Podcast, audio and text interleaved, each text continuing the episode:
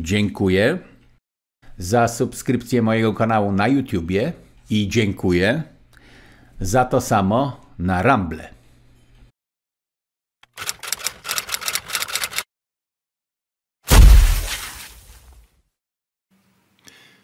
Dzień dobry Państwu, witam w kolejnym odcinku serialu programu Antysystem. Paweł Lisicki w Warszawie i Wojciech Cejrowski na prerii. Czyli wszystko po staremu. No, już zacząłem pakować. Tutaj no. nawet zwałka jest w studiu, gdyż yy, kartony do pakowania na wyjazd powodują, że jest bardziej wygłuszone studio, więc je zwalam tutaj do studia. No dobrze, czyli lada moment nastąpi y, przylot y, do ojczyzny y, i do, do Polski. I w związku z tym zacznijmy od tematu polskiego, a ściślej mówiąc, jak sobie pomyślałem, nawiązując do naszej ostatniej rozmowy, gdzie dosyć, no, wydaje mi się stanowczo, żeśmy mówili o różnych wypowiedziach pana prezydenta. One się odnosiły akurat do jego słów na temat Rosji i powiedzmy tak, Y, no, daleko idącej nonszalancji, z jaką się wypowiadał na temat Rosji, możliwych zagrożeń z tym związanych.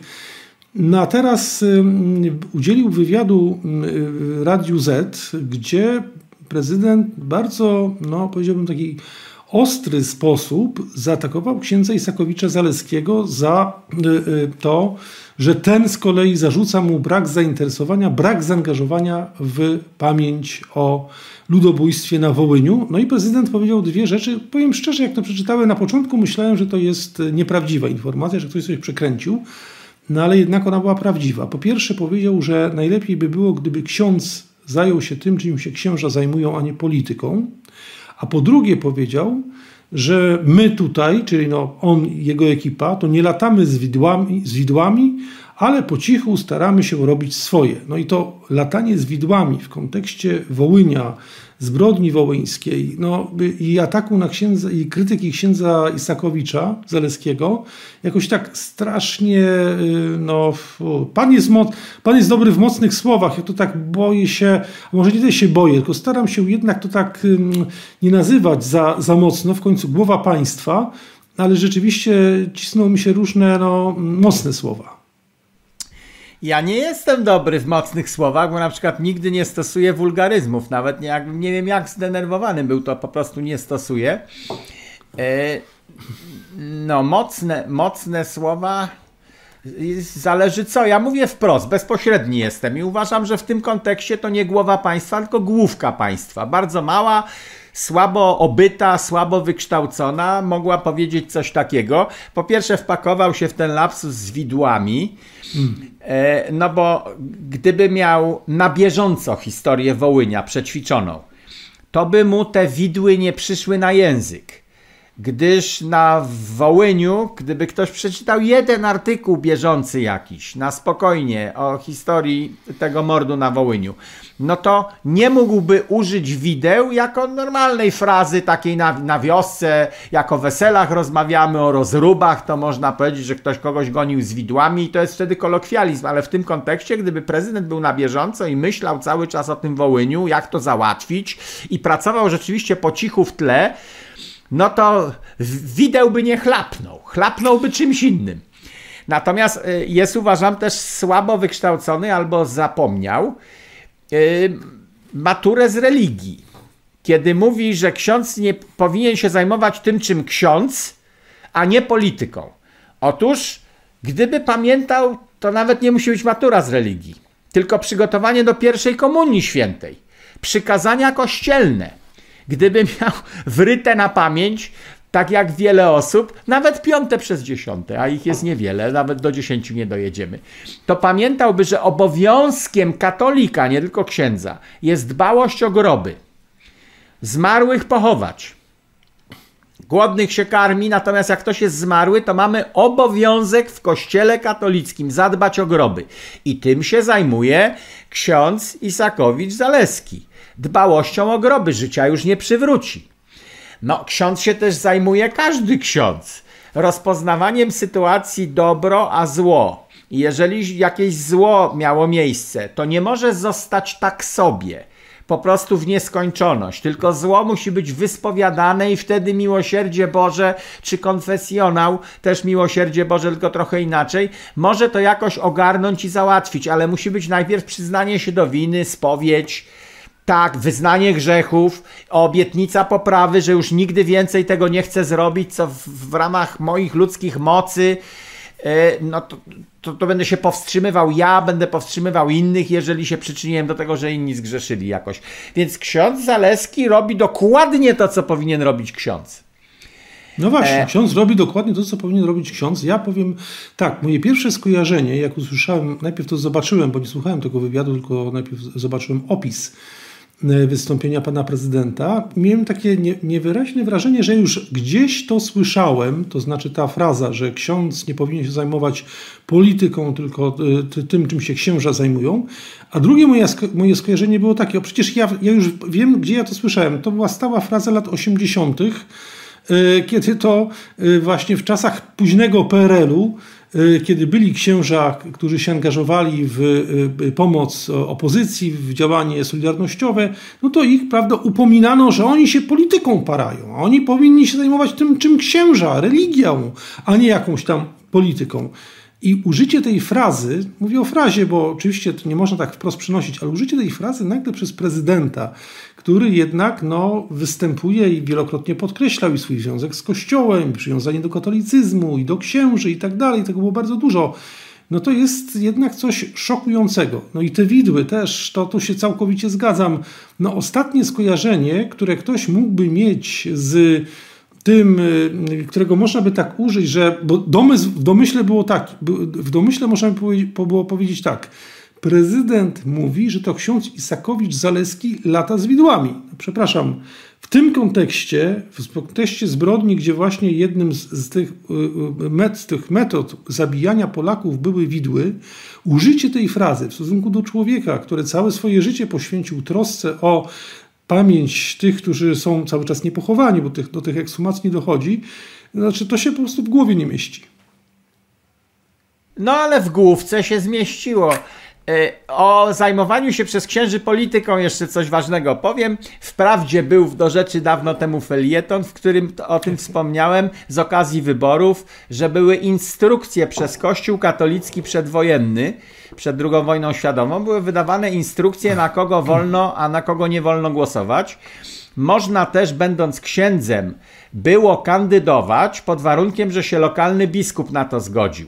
Otóż ksiądz nie może się nie zajmować polityką, bo to by oznaczało, że nie może bardzo ważnego aspektu życia omawiać zambony. Aspektu, który zawiera w sobie dużo więcej e, znaków zapytania, co dobre, a co złe, dużo więcej e, kwestii moralnych niż bycie inżynierem od druki mostów.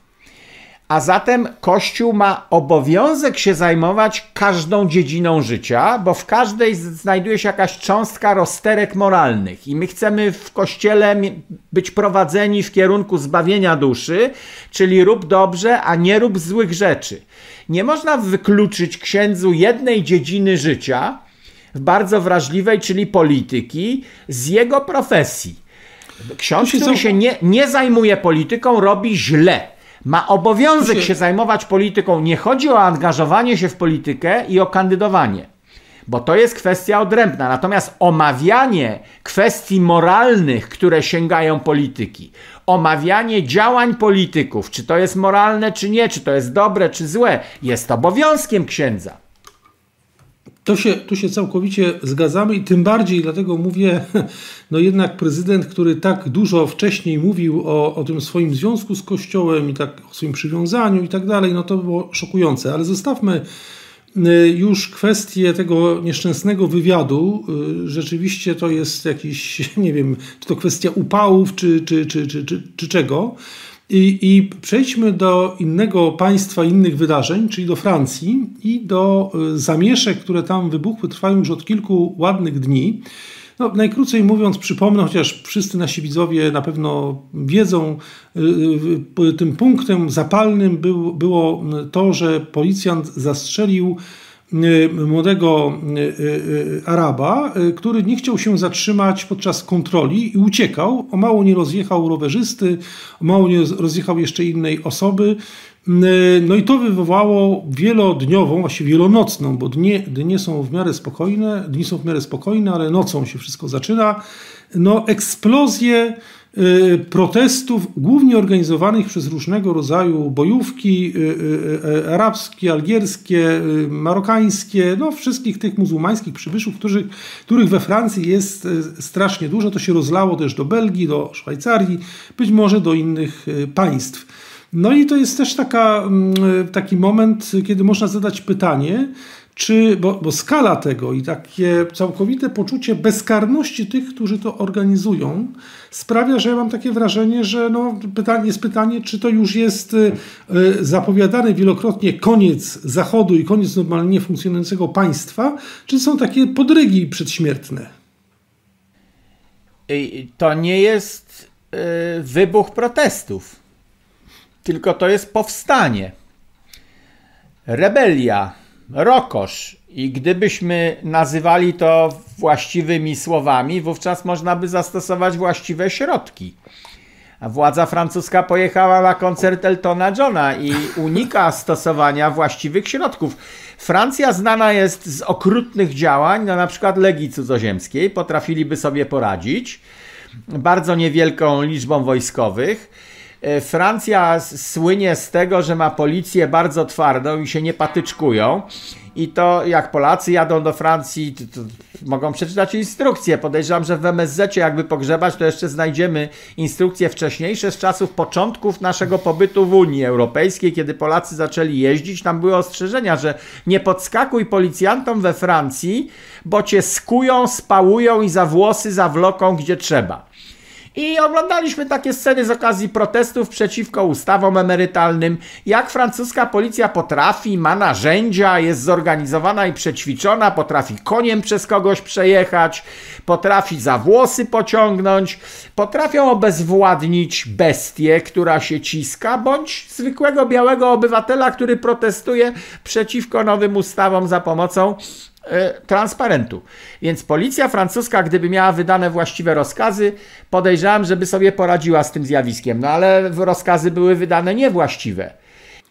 No właśnie, bo tutaj trzeba by zacząć od pierwszego momentu, chyba najbardziej, e, e, bo to umyka w tej całej debacie, w żabie, która temu towarzyszy, bo wiadomo, pierwszy aspekt, samo zachowanie prezydenta Emmanuela Macrona absolutnie skandaliczne. Y, kiedy on pierwszy raz, do, zaczęły się te, ten wybuch tej rebelii nastąpił, używajmy takiego języka, to on y, albo tuż przed wybuchem zachęcił w zasadzie do wybuchu mówiąc, że to ten człowiek jest niewinny, a winny jest policjant. Chociaż wszystko na to wskazuje, że w tej konkretnej sytuacji, nie wiadomo oczywiście, czy akurat nie mógł strzelić gdzie indziej, może mógł strzelić gdzie indziej, no ale taka opowieść jest tylko zachętą dla tego tłumu, żeby zaczął to, co zaczął, czyli rozbijać państwo.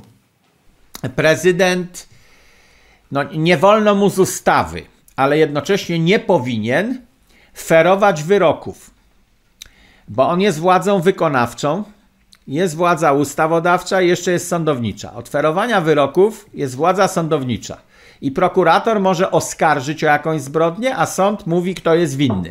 Więc prezydent absolutnie przekroczył swoje uprawnienia, bo wy, wypowiadał się jako prezydent, a nie jako obywatel na jarmarku, gdzie warzywa można kupić. To tam możemy gadać, że a, winny był policjant. Natomiast prezydent z urzędu się wypowiadał. I co? Nie było dochodzenia, nie ma materiałów śledztwa, nie jest śledczym, nie ma prawa oskarżać nikogo, a jednocześnie feruje wyrok. To jest z ust prezydenta, to jest wyrok. Pre winny był policjant. Tak, winny był policjant. No to ulica dokonała y, samosądu na narodzie francuskim. Skoro prezydent wygłosił wyrok. Ale to co mu zrobić w sytuacji, kiedy to już jest jego ostatnia kadencja, on teraz chce dobrej emerytury albo jakichś stanowisk jeszcze w zagranicznych rządach światowych albo czego takiego, to, to co mu Francja może zrobić? To, to jest kłopot z demokracją, że y, na drugiej kadencji to ani Dudzie nie można nic zrobić za widły. Bo co, nie wybierzemy go po raz trzeci?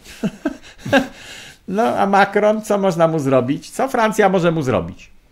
Tylko tutaj, gdyby to była tylko ta jedna wypowiedź, ale tu jest coś jeszcze, y, y, sprawa jest oczywiście znacznie bardziej, y, znacznie głębsza, w tym sensie, że odpowiedzialność za to, co się we Francji dzieje, tak można by powiedzieć, no to jest kwestia ostatnich tak naprawdę kilkudziesięciu lat, bo Francja tylko robi to, co zresztą robią inne państwa Unii Europejskiej, znaczy uległa temu szalonemu migracjonizmowi, bo chyba tak tą ideologię można nazwać, wpuszczała na potęgę ile wlezie, tanią siłę roboczą, roboczą z Afryki Północnej, z Algierii, Maroka, Tunezji i innych państw Bliskiego Wschodu. Kompletnie nie przejmowali się tym, czy to są muzułmanie, czy nie muzułmanie, w związku z tym wpuścili samych muzułmanów.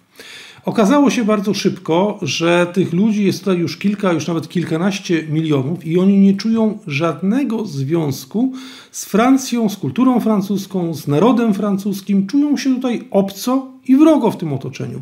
Eee, przy... eee, nie? nie wiem, czy obco. Przecież wygłosili ustami swoich przywódców oraz skandując, że celem ich jest koniec Republiki Francuskiej. A, no to nie obco. Dobrze. Czyli nie czują się obco. Oni czują, że trzeba Rogo. przegonić Francuzów i zająć ten teren, tak jak w Hiszpanii im się udało yy, w dawnych wiekach, ale część Hiszpanii popadła w ręce muzułmańskie. No i teraz oni chcą, my już tu jesteśmy trzecie pokolenie, nasi rodzice tu przypłynęli na czymś, potem e, mój ojciec się tu urodził, a ja jestem wnukiem imigranta, a kto inny jest synem imigranta, a kto inny jest świeżym kuzynem imigranta, przyjechał przedwczoraj, to już nas jest tutaj tylu, że mamy prawo szariatu, jakieś komisariaty francuskie, które w ogóle nie kontrolują terenu, tylko sami sa, samorząd, samorząd w jakiejś Marsylii czy gdzieś tam samorząd islamski ma się zajmować pewnymi sprawami. W Szwecji było to samo. Policja do pewnych dzielnic nie wchodzi do tej pory. Tylko no tak, muzułmanie no tam się mają zone. sami w, w ramach swoich gangów porozumiewać to nie jest tak, że oni się czują obco. Oni się czują jak najbardziej u siebie. To my jesteśmy już teraz do wytrzebienia z tego terenu. My biali. No tak, ale to, to prowadzi do pytania, bo nie, nie wiem, czy pan zna taką książkę Żena Raspaja Obóz Świętych, to są lata 70. i on to w zasadzie opisał dokładnie no, niemal to, z czym mamy do czynienia. I, tak się, i, i, to jest taka wiedza, którą no, można było z góry przewidzieć, że tak to będzie. Mówił o latach 60., 70., bo to się wtedy, wtedy to się zaczęło. To znaczy, Francja i inne państwa Unii Europejskiej same dokonują spektakularnego samobójstwa, a najgorsze w tym wszystkim jest to, że nie sposób ich przed tym powstrzymać. To znaczy, ja słyszałem dziesiątki takich debat, gdzie przedstawiciele, no to jak na to, co z tym robić? No trzeba jeszcze więcej przywilejów imigrantom dać, jeszcze więcej imigrantów jeszcze bardziej im pomagać. Im bardziej im się pomaga, im więcej z tego socjalu tak zwanego, im więcej pieniędzy dla nich płynie, im ich jest więcej, tym sytuacja staje się coraz bardziej napięta. I w związku z tym to jest jakaś kompletna, no takie, mm, nie, nie wiem, czy to jest tragifarsa, czy tragedia, ale efekt jest taki, że rzeczywiście jeszcze trochę i białych Europejczyków, ci przypływający tutaj muzułmanie z Afryki i z Bliskiego Wschodu po prostu przepędzą. Tak, no chyba, że nastąpi jakiś E, bunt po stronie białego człowieka na terenie Francji, że my byliśmy pierwszą córką kościoła, już teraz do kościoła nie chodzimy, ale w naszej krwi chrześcijaństwo i woda święcona, a tutaj napór żywiołu muzułmańskiego, który jest okrutny, pali nasze biblioteki i nasze kościoły, lekceważy naszą kulturę, nie da się zrobić koegzystencji. Z Koranem się nie da zrobić koegzystencji pokojowej na terenie Francji. Nie, no niewykonalne. Nie mamy żadnego dowodu gdziekolwiek, żeby to było wykonalne. Jest niewykonalne. No a skoro jest niewykonalne, no to to jest inwazja i trzeba odbić nasze ziemie. Hiszpanii się udało w tym momencie odbić swoje ziemie. No, może Francji się uda, ale to musi być akt i to będzie akt okrucieństwa równoważny wobec aktów okrucieństwa drugiej strony. Tylko, że oni są najeźdźcą, a my bronimy naszego terenu, w związku z tym nasza wojna, nawet okrutna, będzie sprawiedliwa, a ich atak na naszą ziemię jest niesprawiedliwy.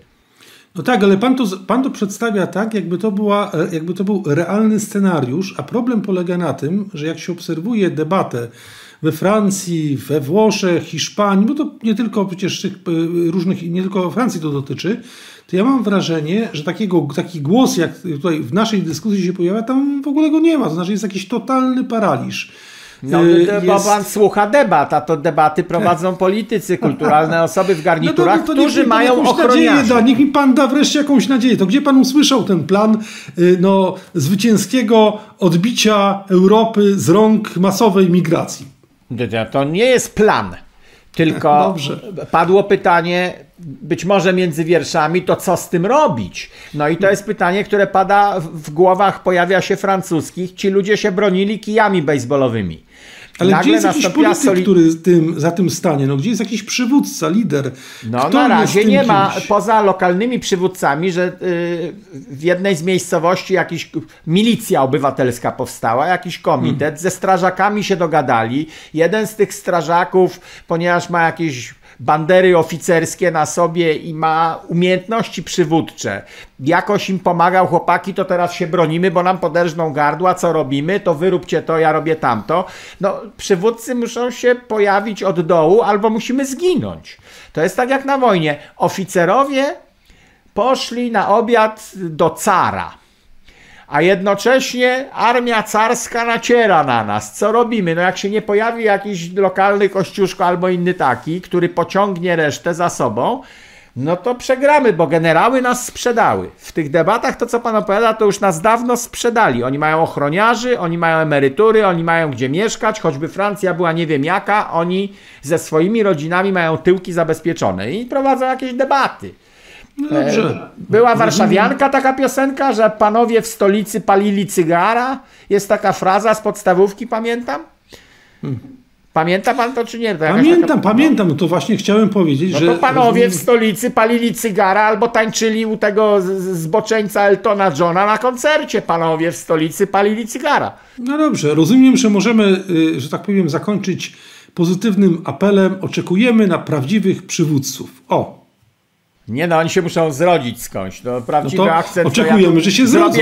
Zrobię tego. Yy, oczekujemy, że się zrodzą. produktu, jak to się mówi. Koszule u mnie są, proszę pana, kod lato pan wpisuje. O kurczę, pan taką historię wykorzystuje. I no. 20% taniej, proszę pana, bo już nie ma co w magazynach trzymać, gdyż przyjdą i spalą. O rady, no to rozumiem, że teraz Cejrowski jest, zgłasza się na tego lidera z koszulami. Nie, na razie. A pan teraz subskrypcję niech poprosi, żeby zrobili i wtedy, wie pan, ugraliśmy coś z tego odcinka, zanim coś nas wyrzucą. Mieli.